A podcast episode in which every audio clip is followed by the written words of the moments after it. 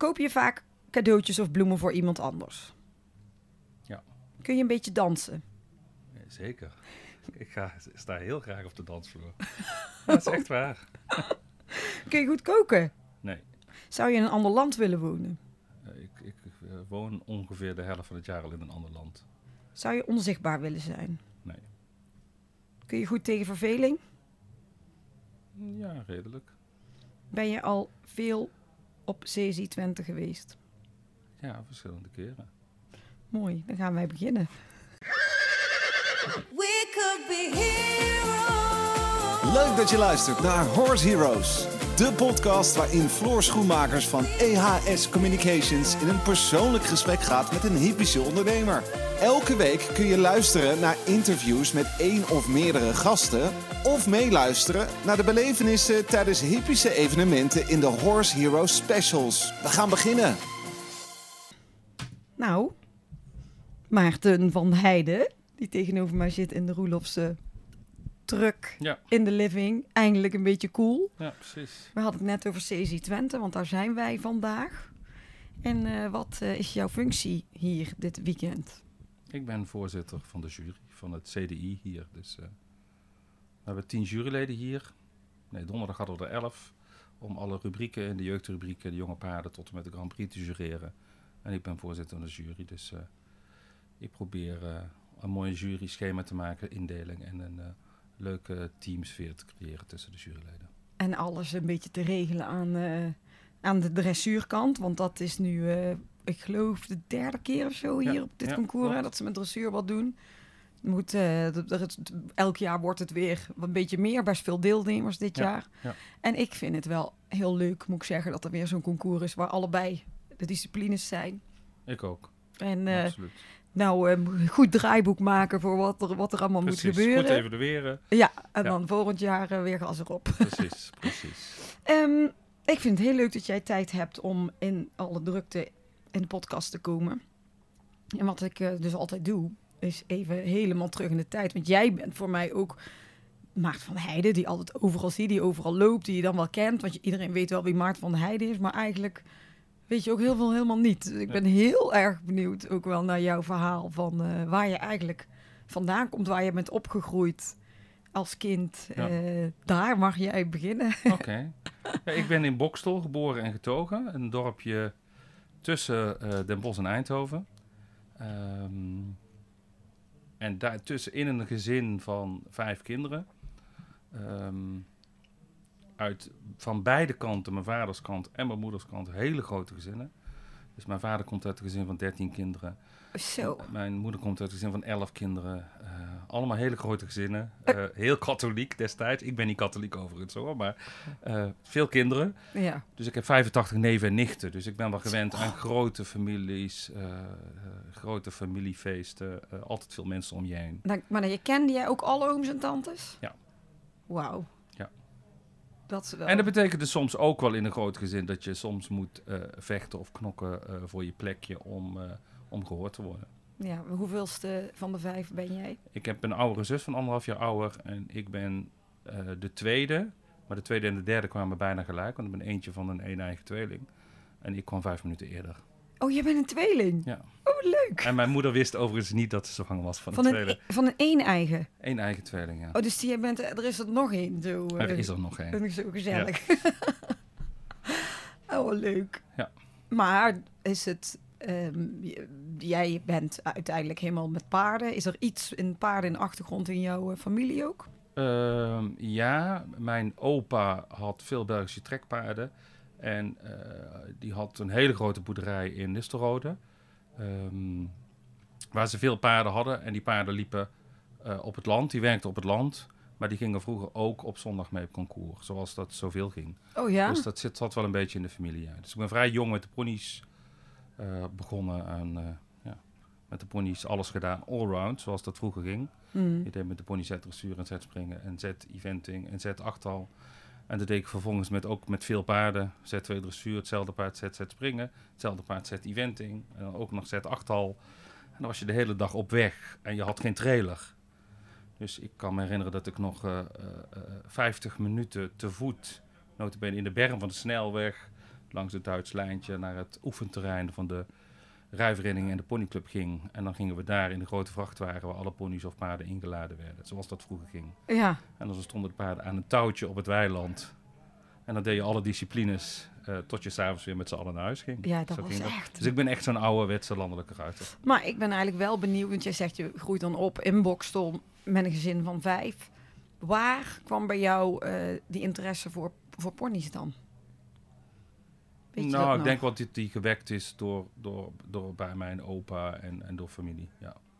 Ja, mijn ouders, mijn directe ouders hadden niet zoveel met paarden, maar de opa, opa wel. En ja, ik denk wel dat het daardoor begonnen is. En dan krijg je... Maar ik ben je- eerst begonnen op een manege en gewoon lessen gehad. Ja. En, en dan komt een eerste pony die niet zoveel kan. En op een gegeven moment kreeg ik een pony die, die wat meer kon, die, ja, die je dan zelf opleidt. Groene pony en die dat dan vervolgens schopte tot Z-dressuur, Z-springen, Z-eventing. Die later met een andere ruiter ook nog weer teamgoud, teamgoud haalde. Oh ja? De EK ponies in die eventing notabene. En met die pony deed ik mee met Z-dressuur op in de Brabant. En met Z-springen. Ooit gewonnen zelfs. Ik kan me nog herinneren in de barrage destijds. ehm, tegen Arthur Verrooy. Oh ja? Heel grappig.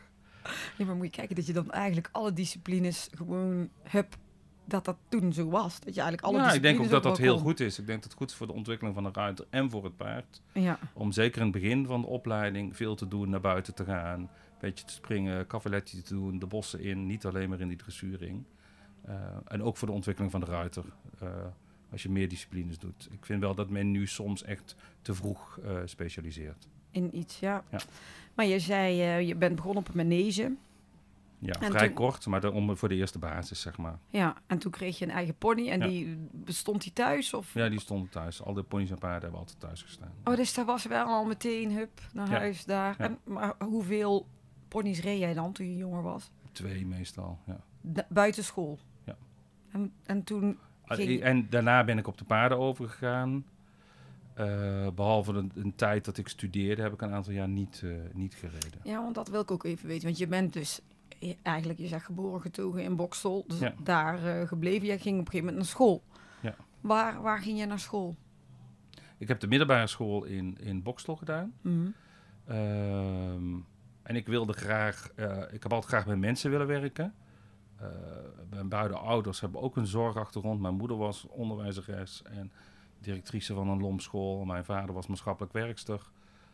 maatschappelijk werker, sorry. Ehm, en eh, hoofd van de sociaal-pedagogische dienst. Dus ik ben eigenlijk oorspronkelijk als leerkracht begonnen. Mhm. En ik was leerkracht voor zeer eh, moeilijk opvoedbare kinderen eh, met ernstige gedragsstoornissen en psychiatrische stoornissen, gecombineerd met een verstandelijke beperking. Zo. Daar heb ik een paar jaar voor de klas gestaan en toen wilde ik er meer van weten. Dus dat is eigenlijk de, de periode geweest dat ik pedagogiek en psychologie ging studeren en later onderwijskunde, om daar meer te weten over te komen. En later heb ik dan de overstap gemaakt van het onderwijs naar de zorg als gedragswetenschapper en later als manager van... Nou eh, ga jij heel snel. ja, nou ga ik heel snel. Want ik wil nog even weten, je zei je, ging, je, ging, je hebt de middelbare school gedaan. Ja. Wat, was, wat heb je daarna een opleiding gedaan?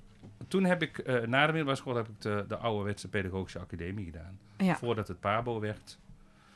Dus dan werd je opgeleid. Toen was er nog geen basisschool. Toen was het nog lagere school en kleuterschool. Hmm. Dus ik werd opgeleid als... eh, ja, je, je kreeg niet eens een diploma in die tijd. Je kreeg een akte van bekwaamheid als Oh ja. volledig bevoegd onderwijzer. En dat was in, toen je daarna als leraar bent gaan werken met... Ja. ja. Ik heb in Schijndel de pedagogische academie gedaan. Ja. Ehm, ja, en toen heb ik een aantal jaren als leerkracht gewerkt. Ben ik ook nog samen met twee anderen een school begonnen ooit. Een schooltje in Udenhout, een openbare Jeneplanschool. Daar heb Oh, ik een paar ja. jaar gewerkt. En toen ben ik in speciaal onderwijs gaan werken. En toen werd ik, eh, eh, eh, ja, toen wilde ik gewoon meer weten waar de gedragsproblemen, gedragsstoornissen vandaan kwamen. En dat is de, de, daarom heb ik de keuze gemaakt om toen verder te gaan studeren. Maar hoe, hoe oud was je in de hele deze periode? Ik was heel jong, want ik, was, ik, ik ben van september, dus dan ben je jong. Want als je Ja. na 1 oktober geboren bent, dan was je een jaar later in dat schooljaar. Ehm, dus ik was met mijn 16 klaar op de middelbare school. En ik was met mijn 19 klaar met de pedagogische academie. Destijds was het een driejarige hbo-opleiding. Dus ik was met mijn 19 klaar. Ja. En toen wilde ik niet in dienst. Want ik wilde niet leren schieten of met een geweer om leren gaan. En toen heb ik vervangende dienstplicht gedaan en daarna ben ik het onderwijs ingegaan. In een tijd dat eigenlijk niemand een baan kreeg. Want halverwege, halverwege eind jaren tachtig waren er geen banen. Eh, dus eh, ja, ik was blij dat ik aan de gang kon en dat ik, dat ik, dat ik werk had. En daarna is het natuurlijk steeds gereden. Ja, ja, want dat, bedoel, dat wilde ik weten. Je zei net al, je hebt een tijdje iets minder gereden tijdens eh, met studeren. Met de universitaire studie. ja. Ja. Ja. Maar waar komt bij jou die fascinatie dan voor dat speciaal onderwijs? Voor, voor, voor dat soort kinderen, zeg maar? Want dat is wel heftig, denk ik. Ja, dat was zeker heftig. Ehm, maar ik, ik vind eh, oprecht dat we in de maatschappij oog en oor moeten hebben voor mensen die ehm, minder bedeeld zijn of met een beperking ter wereld komen of in een gezin opgroeien waar veel gebeurt of in een regio opgroeien waar veel gebeurt. Ik vind dat we als maatschappij verantwoordelijk zijn om daar oog en oor voor te hebben. Ja. Ja. Dus ik wilde dat ook graag. En ik vond het leuk om eh, kinderen te onderwijzen en, en, en adolescenten. Ik heb veel met adolescenten gewerkt. Ehm, ja, en die op te voeden, proberen problemen te verminderen en ze op het rechte pad te krijgen. Eh, Dat is heel mooi als je daar een steentje in bij kunt dragen. Heb je nog wel eens contact met kinderen van die tijd? Ja, Oh ja? Ja. Daar ben, daar heb je natuurlijk een heel Ja. speciale band mee. ja, eh. en nog steeds te zijn van, weet, van hoe, weet ik veel hoe lang geleden. Ehm, van 20, 25 jaar geleden. Soms nog eh, eh, oud-leerlingen die ehm, contact zoeken via Facebook. Die mij dan ineens vinden via Facebook. En dan met Messenger contact opnemen. En zeggen, oh, dit was een belangrijke periode in mijn leven destijds. En Dat is heel mooi. Ja, dat geloof ik. Maar ja, dat, dat is dus wel Ja. waarschijnlijk een En stukje... soms was het mooi als dingen lukten. En natuurlijk gingen er ook vaak, lukte het niet. Kon je iemand niet op het rechte pad krijgen. Kon je niet genoeg helpen. K- Ja, kan je een voorbeeld noemen van iets van wat je dan meemaakt? Want ja, ik, mijn kinderen zitten natuurlijk op basisschool, maar dat, dat ja, Nee, maar als het, als het gaat om adolescenten met een, een moeilijk gezin, ja, waar gedragsstoornis, een combinatie van ADHD en autisme en een verstandelijke beperking, vaak ook met veel agressiviteit, ja, dan is dat heel moeilijk. En als dat op het rechte pad kan, is dat mooi. En, en soms lukt dat niet. En daar heb je het systeem, het gezin en de ouders natuurlijk bij nodig. Ehm, ja, en soms, een, een enkele keer, dat waren wel de, ehm, de, de, de zwaarste dagen in mijn leven. Dat je, dat je soms, want ik was dan manager van eh, eh, de behandelstaf van alle gedragswetenschappers, psychologen, pedagogen, therapeuten, eh, psychiaters. Ik heb twee keer meegemaakt dat een jeugdige in de instelling eh, zelfmoord gepleegd had. Hm. Dat komt dan meestal niet als een verrassing, maar dat zijn hele heftige gesprekken. ja, dat Ja. geloof ik. Ja. Maar dan heb je, En dan gaat het in de paardensport om de kleur van de medaille. Dus dat, Ja. dat relativeert ook. ja, maar daar wou ik zeggen, dan heb je de ene kant dat hele, hele, hele heftige, ehm, wat je zeker ook mee naar huis neemt, ook al doe je, zegt iedereen altijd, ah, nee, dat kan je goed van je afzetten, maar toch, dat, dat is al niet anders dan dat dat ook iets met jou doet als Ja. je die verhalen allemaal hebt. Waren die paarden dan jouw eh, rustpunt ook? Ja, absoluut. Absoluut. Ah, dat is wel eigenlijk ook wel Ja, weer mooi. absoluut. En dat maakt ook paarden zijn, hou je een spiegel voor. Dus eh, als ik gehaast was of gestrest was en ik wilde snel dingen doen, Ja, ehm, dan hield het paard de spiegel voor. En als ik te gehaast en gestrest was, dan lukte het ook niet. Dan moest ik rustiger aandoen en kalmer doen. Want dan, anders wilde ik te veel of ik zette te veel druk erop. Maar dan dus had dat is een je mooie dus... spiegel. Ja, maar dan had jij dus eigenlijk ah, je eigen paarden toen ook naast dit hele Ja, verhaal. En ja. ook nog, deed je ook toen ook nog wedstrijden rijden in heel die periode? Ja. Ja, dat is best eh, pit- pittig ook wel allemaal. Ja. En dan ergens een school Ik heb alleen in de tijd dat ik naast mijn baan als onderwijzer twee universitaire studies deed. Ja. Toen heb ik, in die tijd heb ik niet gereden. Dat ging gewoon niet. Als je dan overdag moet werken en s'avonds twee universitaire studies moet doen. Ja, want, wat, want je was onderwijzer. Ja. En wat waren die universitaire studies? Pedagogiek en, eh, en eh, ehm, onderwijskunde. En waar volgde je dat dan? Universiteit in Utrecht. Dus ook dan, want je toen woonde je in Bokstel. Ja. En dan ging je op en neer. Ja, nee, ik heb ook een tijd in Eindhoven gewoond in die periode. Dus het was of Bokstel of Eindhoven. En van daaruit ja, overdag werken en s'avonds naar de universiteit. Twee avonden in de week. Shit. En dan nog heel veel studeren natuurlijk. Ja. En hoe lang hebben die, eh, die studies geduurd? Vijf jaar, denk ik. En, maar dan, vijf dan ben je nog steeds redelijk jong, denk ik. Als je dit allemaal zo achter elkaar hebt gedaan. Toen je klaar was met die studies, hoe, hoe oud was je toen? Oeh. Ik denk dat ik toen tussen de 30 en 35 was of zo. Ik heb eerst natuurlijk een aantal jaar gewerkt. Hmm. Voor aan 30, zoiets denk ik. Ja. En wat ben je toen gaan doen, toen je de studies had afgerond? Nou, toen ben ik in eerste instantie eh, eh, coördinator en ehm, intern begeleider geworden van leerkrachten. Dus coach van leerkrachten om leerkrachten beter te maken of te helpen. Mhm. en de spiegel voor te houden. En naar de hand ben ik, eh, omdat ik werkte op een instituut voor zeer ernstig gedragsstoorde jeugdigen met psychiatrische problemen, gedragsproblemen met een verstandelijke beperking. Uh, en ik werkte daar eh, op die scholen en later als coach en intern begeleider van de leerkrachten. En na een aantal jaar ben ik overgestapt naar de zorg, dus echt naar de, de behandeling, niet het onderwijs, maar de behandeling buiten de schooluren. De Ook nog? diagnostiek en behandeling. Nee, toen ben ik gestopt in het onderwijs. Ja. Toen ben ik de behandeling ingegaan. Dat heb ik een paar jaar gedaan. En later werd ik daar manager van de, de behandelstaf van zo'n 65. Want het was eh, een periode, de Lassalle en Boksel periode, de Hondsberg en Oosterwijk. Maar ook een periode bij de ehm, internaten, of bij de instituten. Dus dan gaf ik leiding aan zo'n 65 eh, artsen, psychiaters, pedagogen, psychologen, therapeuten. Dat deed ik tot ik eh, bij de KNS ging werken. Ja, want ik bedoel, dan maak je wel even een heel verschil van waar je daar ja, dat zat. klopt. Dat klopt. Maar ik was toen 42 en toen dacht ik, nou, ik ben zo halverwege mijn, mijn, eh, mijn loopbaan, mijn carrière. En bij de KNS zochten ze iemand ehm, die veel managementervaring had. Ja, En dat had ik. Eh, en die ook verstand had van de paardensport. Dus dat had ik beide. Toen dacht ik, nou, ik ben nu 42. Het is hartstikke leuk om een mooie ommezwaai te maken. En mijn hobby en mijn managementervaring eh, te kunnen combineren. En toen dacht ik, nou, dat ga ik proberen. Eh managen kun je eigenlijk overal, ongeacht de inhoud van het domein. Hm. Ehm, dus dat heb ik 12 jaar gedaan bij de KNS. ja want wa- welk jaar hebben we het nu over dat je daarheen bent gegaan? bij de Eh, eind KNS? 2008. Ja. Ja. Shitje, dat was even een overstap, denk dat ik was de wel. overstap. Ja. En wat heb je daar toen, want toen reed je niet meer.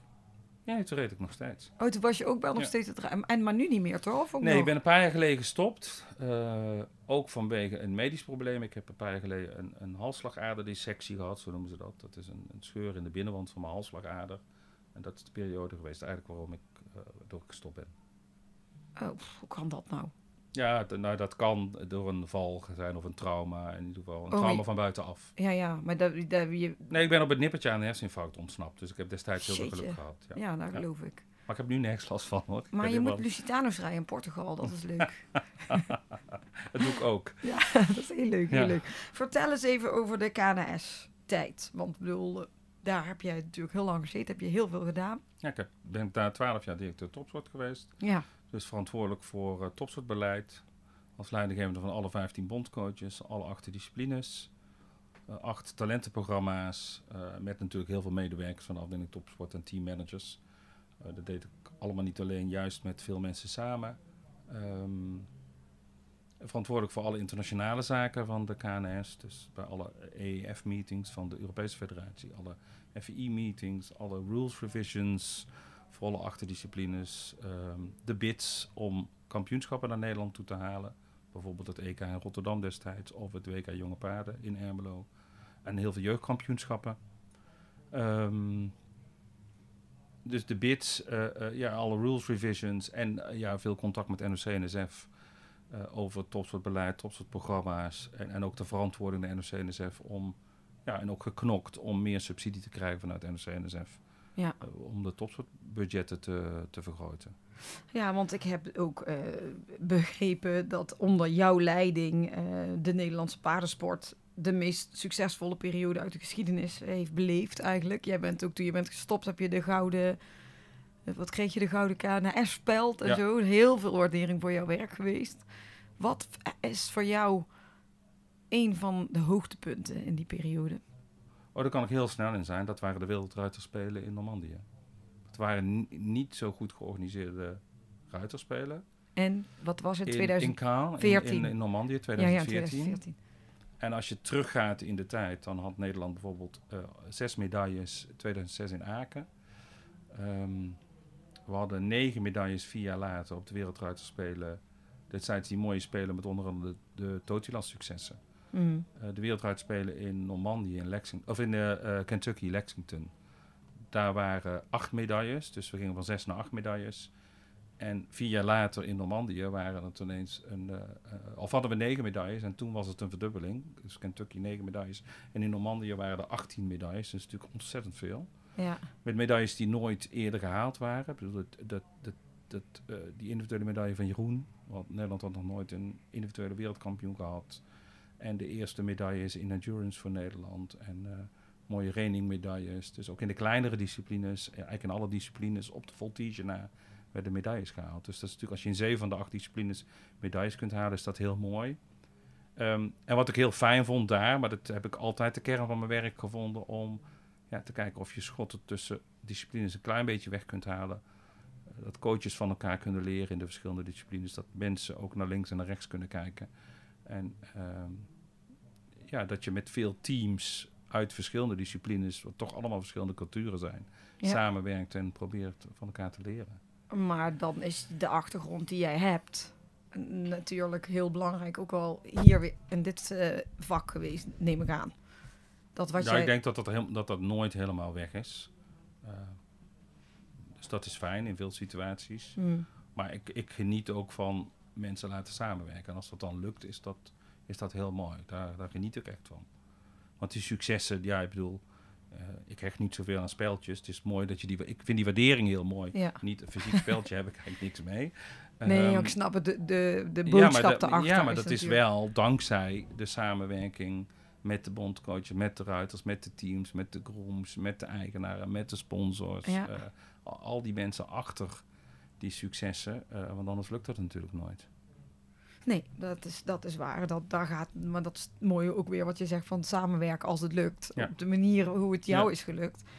Toen, ehm, twin- 2020, ben jij eh, daarmee gestopt. Ik heb dat twaalf jaar gedaan en ik vond het, ik heb ontzettend veel leuke dingen meegemaakt, heel veel plezier beleefd, maar ik vind het ook een baan waarbij je 24 uur per dag aanstaat. Hmm. Eh, iedereen kijkt eigenlijk vanuit zijn eigen discipline, eh, door zijn eigen bril. Maar in mijn functie bij de KNS was ik verantwoordelijk voor al die acht disciplines. Dus dan ben je vele avonden met commissies aan het vergaderen, al die internationale vergaderingen, al die kampioenschappen, naast overdag eh, teams aansturen op kantoor. Eh, eh, je- je- na twaalf jaar was het mooi geweest. Dus je moet niet. Eh, ik vind sowieso dat aan iedereen een houdbaarheidsdatum zit. Je moet niet in routine belanden. Maar drie Olympische periodes was, was mooi genoeg. En dan is het ook weer tijd voor mezelf om nieuwe dingen en frisse dingen te doen. Maar ik denk ook goed voor de KNS dat daar ook weer een nieuwe wind waait. En nou, ik heb veel plezier aan beleefd, maar ik vond het wel echt veel en zwaar worden. Vooral in een aantal uren. En eh, eh, het hield nooit op. Nee, tijdens vakanties word je gebeld, gemaild. Dat, ging, dat stond, hield nooit op. Dat ging maar door, altijd. Ja, maar als je zoveel disciplines hebt, dan, dan ben jij een soort van iedereen toen. Weet je, wat je zegt, Ja, het maar- gaat elke keer door en het, Ja. eh, het stopt nooit. Ja, dat, Maar daar ben je zelf ook voor een stuk debet aan, want ik wilde het ook goed doen. Dus je Ja. kunt ook zeggen, ik antwoord niet of ik neem de telefoon niet op. Maar zo zit ik niet in elkaar. maar je, het is eh, 2020 dat je daarmee stopte. Toen kwam natuurlijk ook corona. Nou dat was al, toen ik nog bij de KNS werkte, Ja, was de start van, of tenminste toen begon corona inderdaad, ja. ja want dan, Dus dat was voor mij de eerste, de, het laatste stukje van, de, eh, eh, van mijn werk bij de KNS, was werk achter de laptop. ook. Ja, toen waren Ja, natuurlijk toen geen waren al die- evenementen. nee, en, en alle meetings eh, eh, met teams. En, eh, ja, dus dat was werk eh, ja, achter, achter een computer. En had dat nog invloed op jouw keuze uiteindelijk? Of ik had je die eigenlijk prettig, al want gemaakt? ik wil ook mensen recht in de ogen kijken. En Ja. dat is voor een scherm, door een scherm echt anders. Eh, wat ik wel heel prettig was, is dat ik niet och- iedere ochtend dat, eh, dat klote verkeer had. Om van Boksel naar Ermelo te reizen met idiote files. Ehm, Ja. Dus dat was, dat was prettig. Maar ik, ja, eh, voor even is dat leuk om niet te hoeven reizen. Maar alleen maar achter een laptop werken is gewoon niet prettig. Ik bedoel, maar iedereen heeft denk ik vervelende ervaring eh, met die coronaperiode.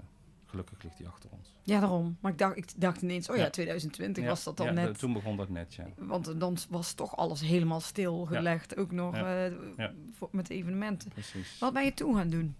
Toen heb ik even een sabbatical eh, genomen. Ja? Hoe lang?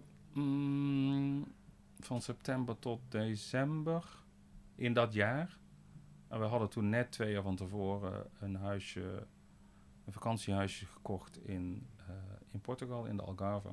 Hmm. Want het is lekker om soms die Nederlandse grijze, eh, natte winters eh, Ja. te kunnen, te kunnen eh, ja, ontvluchten.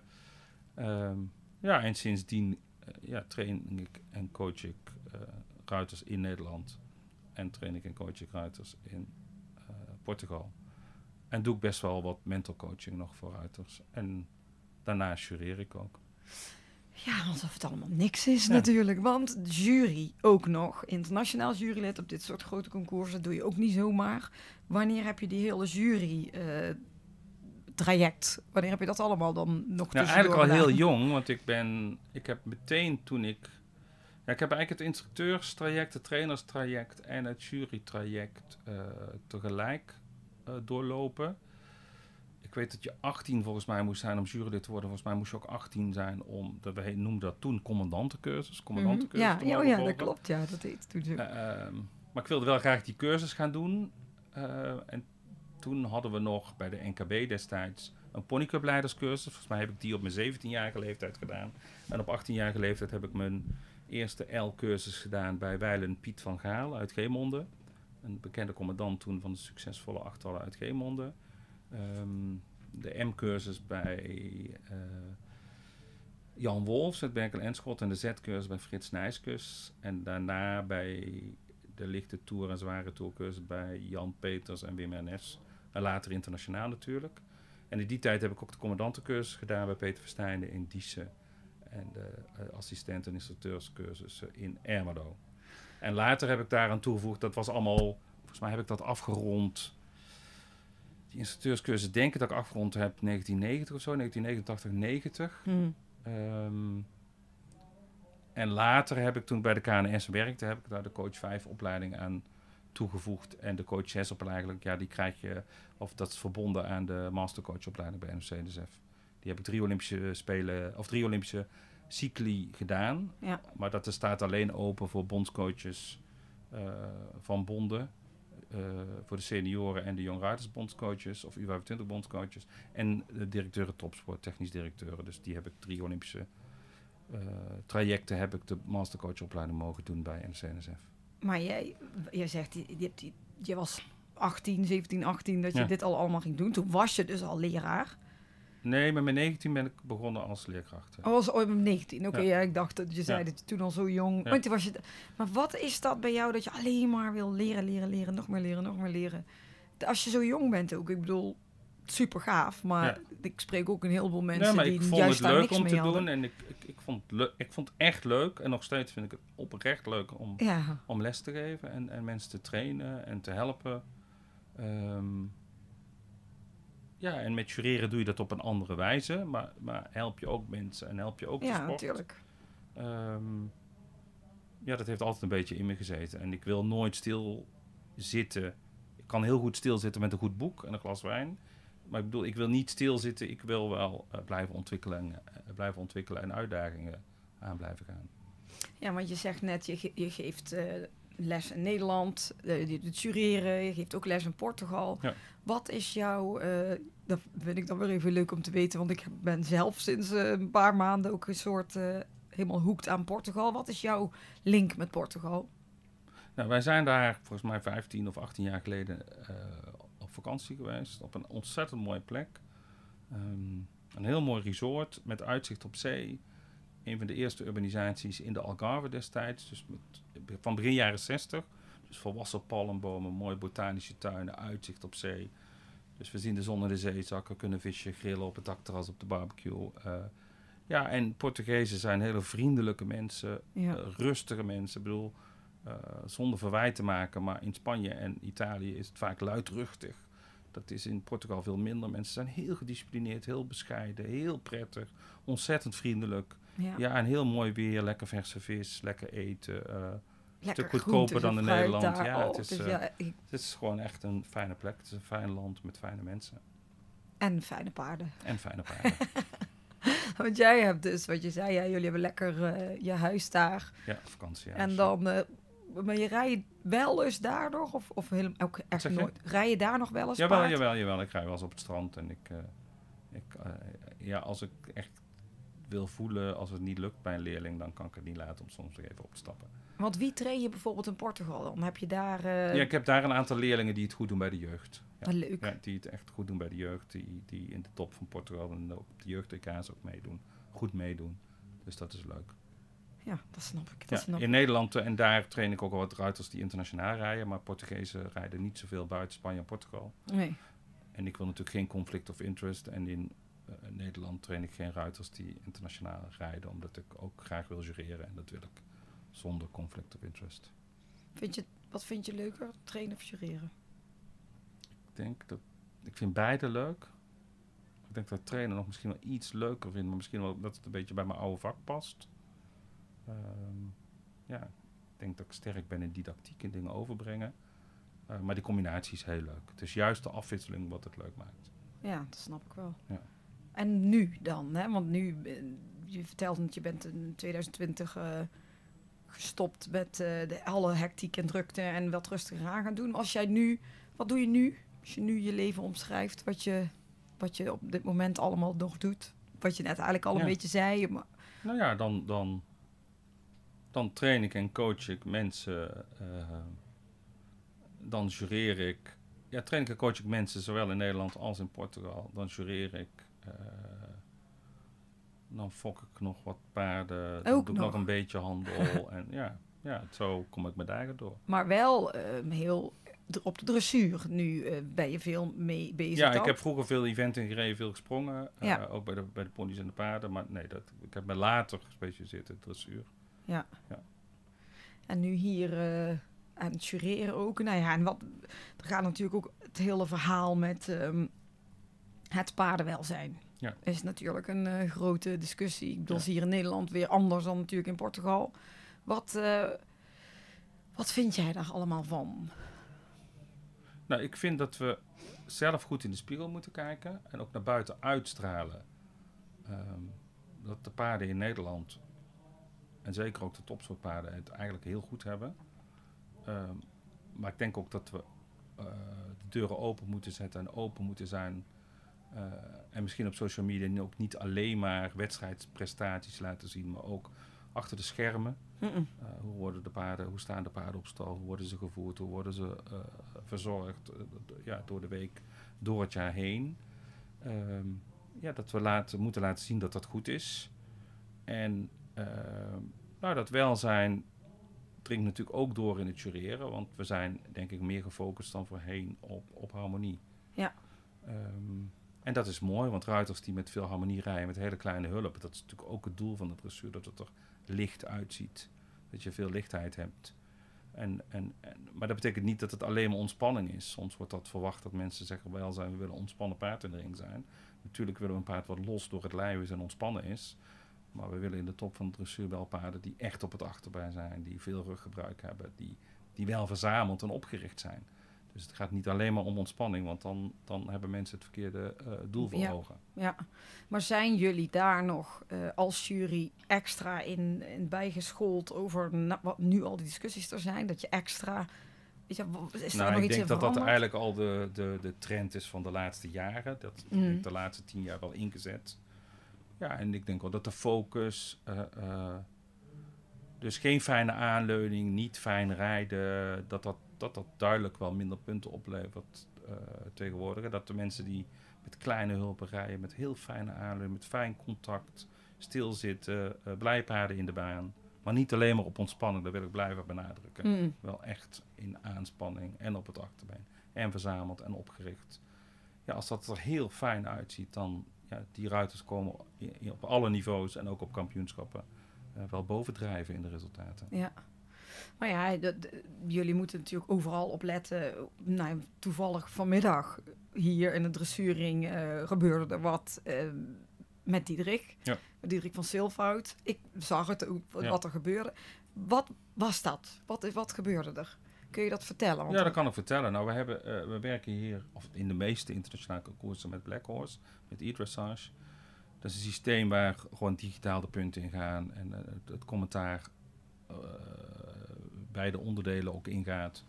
En de ruiters en juryleden hebben daarna meteen alle cijfers van alle juryleden naast elkaar per oefening. Alle opmerkingen, feedback van Mm. de juryleden. Dus dat is fijn voor de ruiters. Maar ook voor de juryleden, want wij kunnen direct naar een rubriek zien ehm, waar we de verschillen hebben. Ja. Dus we kunnen direct naar de rubriek kijken. Hey, welke ruiters hebben verschillen? Waar zijn rankingverschillen? Waar scoreverschillen? En waar ook, je, je kunt meteen na de rubriek op je telefoon kijken van hey, waar moeten we het over hebben met elkaar? En soms is dat echt verklaarbaar omdat je op verschillende plekken zit. Eh, je kijkt echt vanaf verschillende plekken. Een paard wat kort is in de hals, maar wel mooi opgericht. Dat ziet er vaak van voren nog wel een beetje mooi uit. Ja. Maar van opzij, als je aan de, zij- aan de- bij E of bij B zit, ja. straf je dat vaak toch wat harder af dan op de korte zijde. Soms heb je ook echt een ander beeld.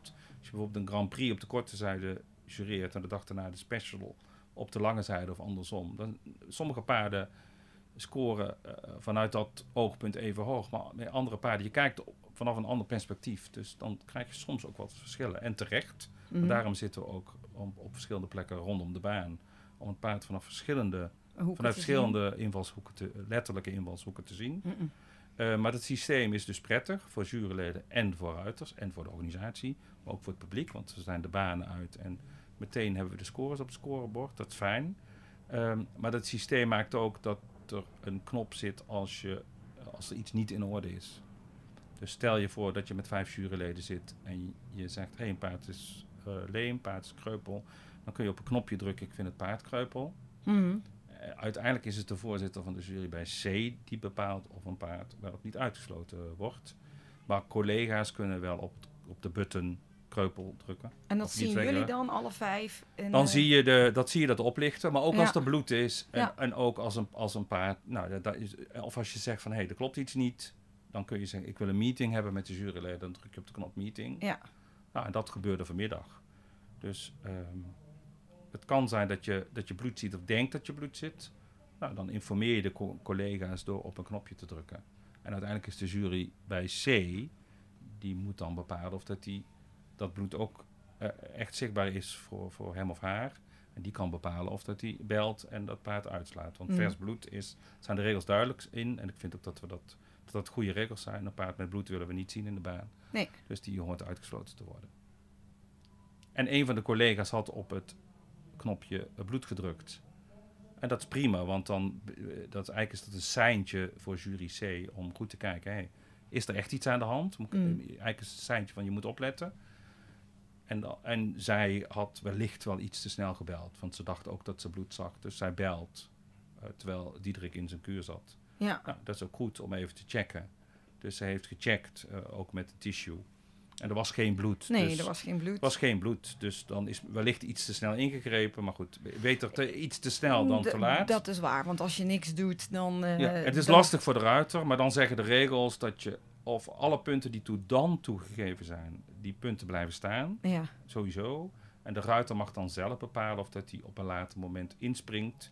of Ja. opnieuw. Want Diederik, ja, vaak heb je dan een overgang in de muziek die je wel herkent. Ja. Dus bijvoorbeeld van uitstapmuziek naar galopmuziek. Die overgang herkennen ruiters. Vaak pak je het daar op en dan ga je verder. Maar er zijn ook ruiters die zeggen, nou, ik wil graag vooraan beginnen, want dan heb ik de kuur goed in mijn hoofd. Ik wil het hele patroon doen. Nou, alle punten die tot het moment van onderbreking gegeven zijn, die blijven dan staan. En daarna ga je weer verder jureren. Ja, want En Diederik deed dat eh, fantastisch. Ja, hij begint weer een, in de hele door. mooie kuur met fantastische muziek. En Ja, het is een heel talentvol paard, stoer paard met veel aanleg. Dus Ja, dat is heel mooi. maar ik vond het ook stoer dat die... eh, b- bedoel, want je zag het vanaf de kant dat je denkt, Ja. huh, wat gebeurt er nou? En dan wordt zo'n kuur onderbroken. Wat, eh, nou, het ging supergoed en dan pakt hij het gewoon weer op. Ja. Dan moet je ook wel... eh, ja, lijkt me. Dan moet je toch wel zo nuchter in je hoofd Ja. ook wel zijn. Dat je weer gewoon weer doorrijdt. Maar dan krijgt hij niet een extra punt voor de onderbreking. een soort Nee, van, sorry. krijgt hij niet. Nee. Sorry punt. Nee, nee, dat krijgt hij niet. We blijven punten wat we zien. Ja, precies. Nou, We zaten ons met z'n allen even af te vragen aan de kant. Nee. Hoe werkt zoiets? Nee. Ehm, ook een onderdeel in de podcast is altijd muziek. En eh, dan ben ik benieuwd of jij misschien een, een liedje hebt Of een iets, een, een nummer wat heel bijzonder voor jou is. Of een bepaalde herinnering aan iets. Mm. Nou, ik ging vroeger heel vaak naar, eh, naar festivals en concerten. Oh, echt? altijd naar Torhout Werchter. In de, in de early days van U2 en The Simple Minds. En ehm, ook naar concerten van Tina Turner geweest. overigens. Oh, echt? Ja, echt fantastisch om, eh, om haar live te zien. Ja, dat snap Ehm, ik. maar ik denk dat het mooiste concert wat ik live gezien heb, maar vooral omdat hij live zo goed zingt, dat dat ehm, Simply Red is geweest. Eh, ooit lang geleden ook op Torhout Werchter Festival in België. Dat is echt fantastisch. Ehm, maar ja, nu we zoveel in Portugal zijn, vind ik fado-muziek ook Oh, prachtig. mooi is dat. Ja, dat is heel mooi. Daar komt Ja. het woord saudade ook heel erg vaak in voor. Ja, dus met fado-muziek ja, kun je me ook wel raken. Ehm, Dan mag je kiezen, Simply Red of Fado. En welk nummer dan? ehm, dat dan gaat, zou ik het nummer Saudade kiezen. Wat, wat twee jaar geleden eh, volgens mij meedeed aan het Eurovisie Songfestival namens Portugal. Maar ook dat nummer wat destijds ooit gewonnen heeft, God, eh, Sobral. Ik weet niet meer hoe het nummer heet. Dat was ook een heel mooi Portugees nummer. Leuk, dan gaan we daar even een stukje naar luisteren. Sobral heet hij. Nou ja, Volgens mij heeft hij vier of vez jaar geleden het Eurovisie Songfestival gewonnen. Dat is een heel erg mooi nummer. we, gaan, we, gaan, we, gaan er, we gaan er naar luisteren. segredo. Eu sei que não se ama sozinho. Talvez devagarinho possas voltar a aprender.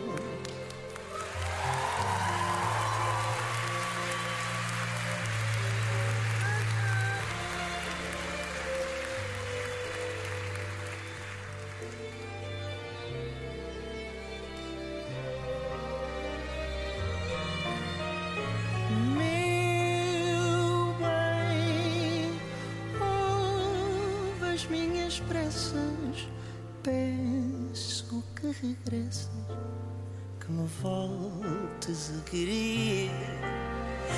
Eu sei que não se ama sozinho. Talvez devagarinho. Grappig dat jij dat ook... Ik luister ook best veel naar Portugese muziek. Ik sta er echt in de rond. Ja, ik begin wel iets beter te verstaan. Ja, want dat is wel met de Portugese muziek. Jij kiest nou dat nummer uit. Het is ook dat stukje emotie, vind ik, wat je hoort en in de klanken en alles. Ja. Dat maakt het al mooi zonder dat je het verstaat. Absoluut. Maar kun jij al een eh, beetje Portugees? Ik vind het heel moeilijk. Ik vind het makkelijk om eh, ondertitels te lezen, vrij makkelijk om de krant te lezen. Ze- De grote lijnen, niet alle woorden. Maar als mensen het spreken, eh, is het echt moeilijk. Het is echt Ja. binnensmonds. Ja. Het gaat heel snel. Ze slikken heel veel in.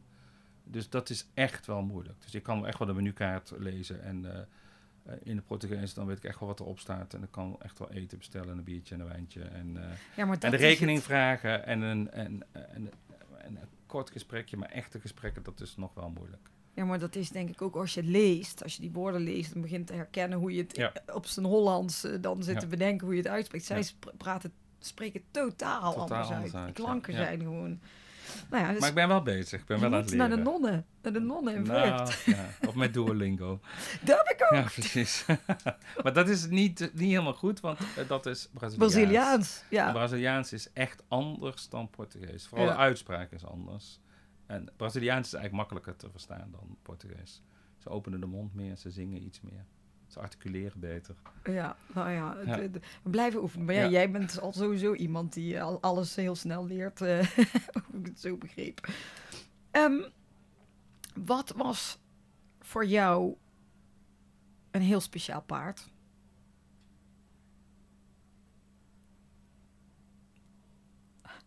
Ehm, die heb ik eigenlijk twee. Mijn laatste pony, waarmee ik ooit ook dat, dat zetspringen op Indel-Brabant won. ehm, waarmee ik selecties voor de EK's gereden heb. Met diezelfde pony in dressuur en het springen destijds. Dat deed je. Hmm. Ehm, die pony was heel bijzonder, omdat dat mijn eerste pony was die die ik na springen, zet dressuur en zet samengesteld reed. Ehm, die, mijn eerste pony die ik zelf opgeleid had. Ehm, en die heb ik later verkocht aan de familie Brabers en Gils. En die pony heeft daarna heel goed op EK's gedaan. eh, met onder andere teamgoud voor de eventing ponies in Nederland. En die jongen die dat toen op reed, die is met die pony verongelukt in een cross. In de cross country, terwijl ze al e- meerdere EK's achter de rug hadden, heel ervaren. Jezus, die jongen. val. Ja, die die jongen jongen. is verongelukt. En het was een hele drukke pony. Die kon niet goed stilstaan. Heel druk, heel hectisch, veel temperament.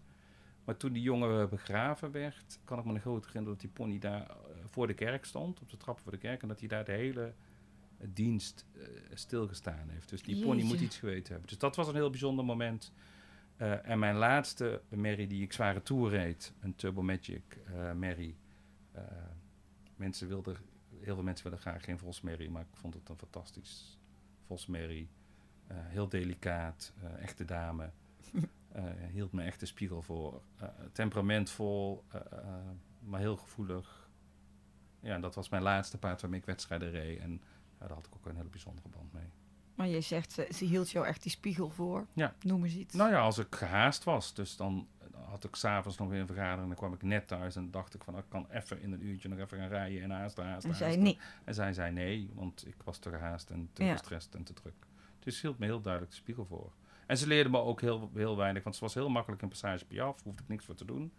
Um, dat ging heel gemakkelijk, Ehm, omdat ze daar talent voor had Mm. eh, en, en vrij heet was. Eh, maar met de wissels had ze vaak wel problemen. Ehm, werd ze, daar, daar werd ze vaak te heet en gespannen.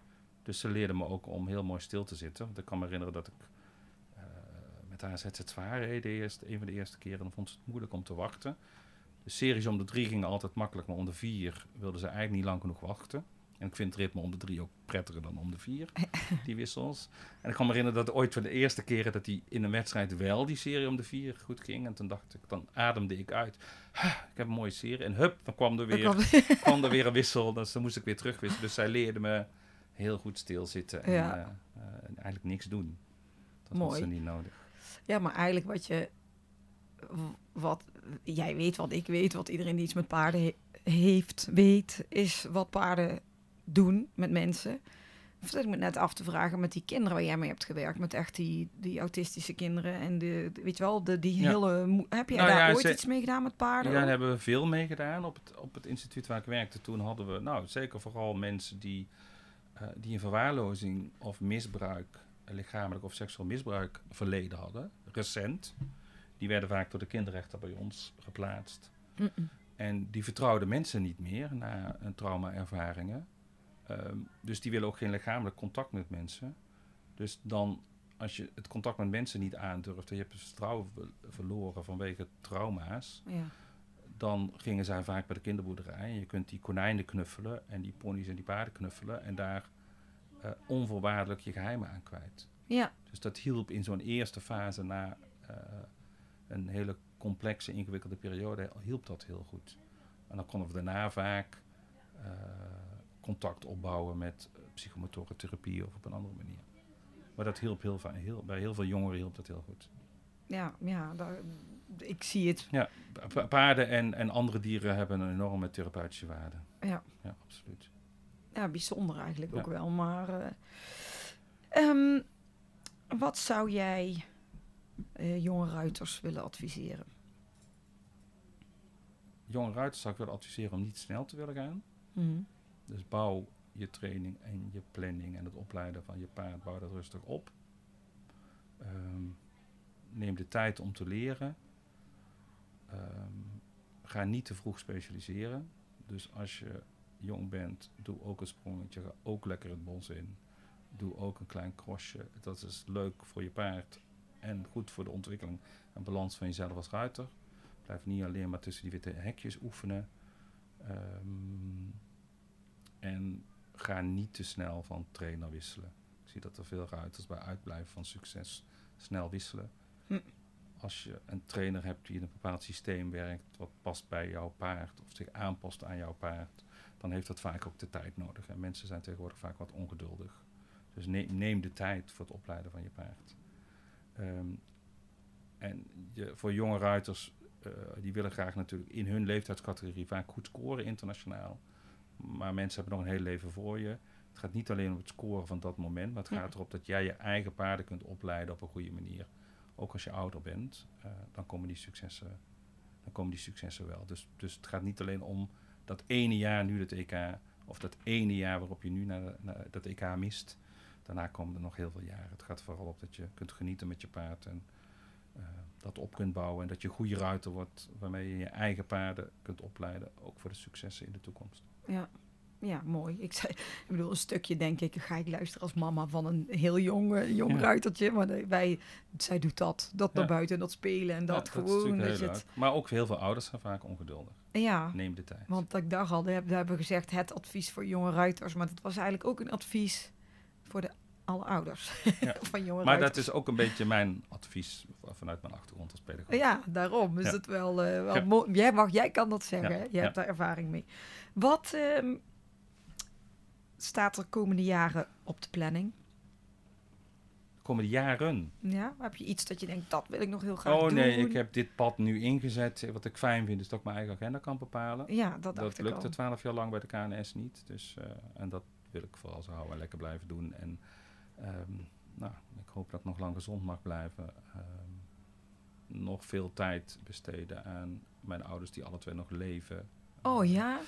Ehm, ja, dat is, die zitten Oh, in de laatste fase van hun leven, dus dat is ook mooi. Eh, Hoe oud zijn je eh, ouders? eh, mijn moeder weet het allemaal niet meer, maar ze is er nog wel. Maar het is mooi om daar ook nog tijd aan te kunnen besteden. Ja, eh, In natuurlijk. de laatste jaren, de laatste fase van hun leven. Dus eh, ja, ook hoe- tijd voor familie oud, en vrienden. eh, mijn zijn- vader is 88 en mijn moeder is 85. Ja, bijzonder wel. Dus dat vind ik ook al belangrijk, een belangrijk stukje in de laatste. Ze waren beide nog alle twee, hoewel het niet zo goed gaat met mijn moeder, mentaal. Helemaal niet goed eigenlijk, maar ze zijn wel in januari nog lekker samen in, eh, in ons huisje in Portugal. Portugal, oh, fijn. Ja, dat was fijn. Ja, dat geloof ik Ja. wel. Ja, maar En ook- van de mooie dingen van het leven genieten. Ja, volgens mij eh, kan jij dat wel. Ja, dat kan ik. ik ben een eh, Brabantse Bourgondier. Ja. Daar hou ik van, van Brabanders. oh, Maarten, ik wil jou echt super bedanken voor, eh, voor jouw tijd. Want ik weet hoe druk het is en, het, en hoe zwaar de dagen even goed, denk ik, zijn hier Ja. met 30 graden. ja, ik moet zo mijn jury ook weer in. Ja, moet je je hok weer in. Ja. Maar eh, ja, hartstikke bedankt. Ik vond het heel leuk om jouw verhaal te horen. En eh, misschien eh, zie ik je nog in Portugal. Ja, wie weet. Nou, je bent er bij deze uitgenodigd. Helemaal leuk. Ja, Oké. Bedankt Hey. eh, voor het luisteren en tot volgende week. We could be heroes.